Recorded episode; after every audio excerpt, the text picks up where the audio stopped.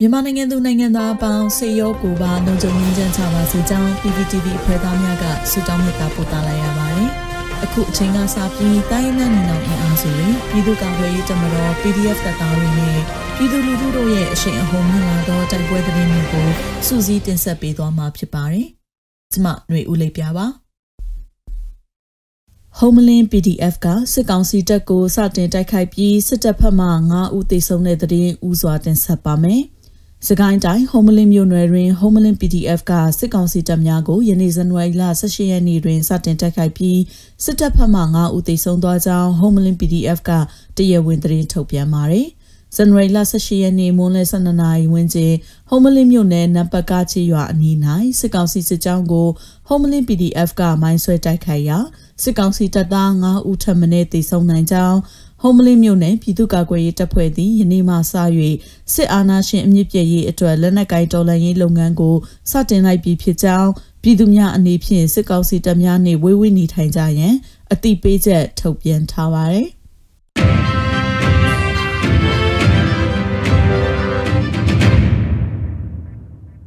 ဆက်လက်ပြီးဖလန်းနဲ့မြို့လာတိုက်ပွဲတွေမှာ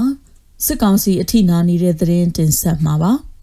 ချင်းပြည်နယ်ဖလန်းမြို့နယ်ဖလန်းကလေးကားလမ်းမပေါ်တွင်အကြမ်းဖက်စစ်ကောင်စီနှင့် CNDF တို့အကြားနေစဉ်တိုက်ပွဲဆက်လက်ဖြစ်ပွားခဲ့ကြောင်းဇန်နဝါရီလ16ရက်နေ့ကဖလန်းမြို့နယ်ပါတဲကြီးရွာအနီးတွင်စစ်ကြောင်းထိုးလာသောအကြမ်းဖက်စစ်ကောင်စီတပ်ကိုမိမိတို့ CNDF တပ်ဖွဲ့ဝင်များမှခုခံတိုက်ခိုက်ခဲ့ရာ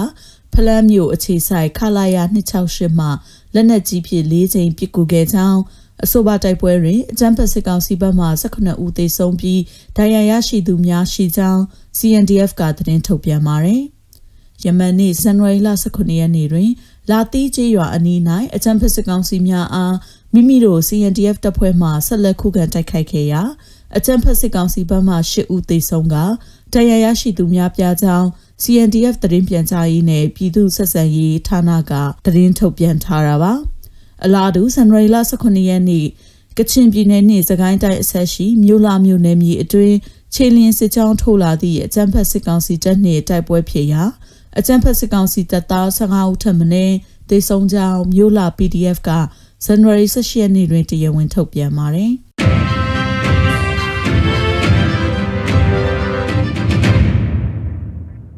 KNU တပ်မဟာ9နယ်မြေတွင်တကောင်စီတပ်နှင့် KNL ကြားတိုက်ပွဲ၃ချိန်ဖြစ်ပြီးစစ်သား၈ဦးဒဏ်ရာရတဲ့တဲ့ရင်ဆက်လက်တင်ဆက်မှာပါ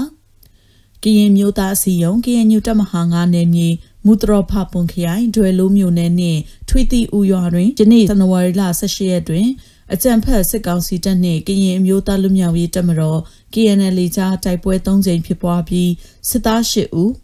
ဒဏ်ရာရရှိကြောင်းသတင်းရရှိပါသည် KNU တပ်မဟာ9နယ်မြေကမမောင်းမြို့နယ်မဲပလီကျေးရွာရှိစစ်ကောင်စီလက်အောက်ခံ BGF တရင်1014စခန်းကို KNL တရင်102ကဇန်နဝါရီလ16ရက်နေ့တွင်ဝင်ရောက်တိုက်ခိုက်ခဲ့ပြီးမိရှို့ဖျက်ဆီးခဲ့ပြီးနောက်အဆိုပါဒေသတဝိုက်တွင်အင်တာနက်များဖုန်းလိုင်းများဖျက်တောက်လိုက်ကြောင်းသိရှိရတာပါအဆိုပါမဲပလီစခန်းကိုဝင်ရောက်တိုက်ခိုက်စဉ် BGF တပ်ဖွဲ့ဝင်တအူးကိုအရှင်ဖမ်းမိကြောင်း KNL တတ2ဦးဒဏ်ရာရရှိခဲ့ကြောင်းသိရရှိပါသည်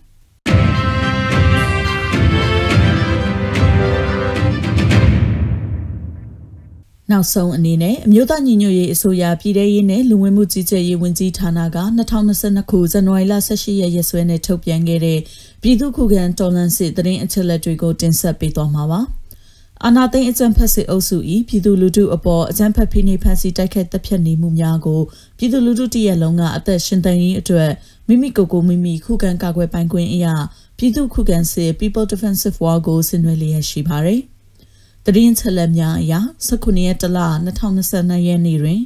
စစ်ကောင်စီတပ်ဖွဲ့ဝင်30ဦးသေဆုံးပြီးထိခိုက်ဒဏ်ရာရရှိသူ3ဦးအထိခုခံတိုက်ခိုက်နိုင်ခဲ့ပါတယ်။စစ်အာဏာရှင်စနစ်မြန်မာမြေပေါ်မှအပြည့်တိုင်ချုပ်ငြိမ်းရေးနဲ့ Federal Democracy တည်ဆောက်ရေးအတွက်ငြိမ်းချမ်းစွာဆန္ဒပြသည့်လူထုတပိတ်တိုက်ပွဲများကပြည်내နဲ့တိုင်းဒေသကြီးများမှာဖြစ်ပွားပေါ်ပေါက်လျက်ရှိပါတယ်ရှင်။မြေပြင်မှာယခုတွေ့ရတဲ့သတင်းချက်လက်များထက်ပို၍ဖြစ်ပွားနိုင်ပါတယ်။ရေတော်ဘုံ အောင်ရမည်ရေတော်ဘုံအောင်ရမည်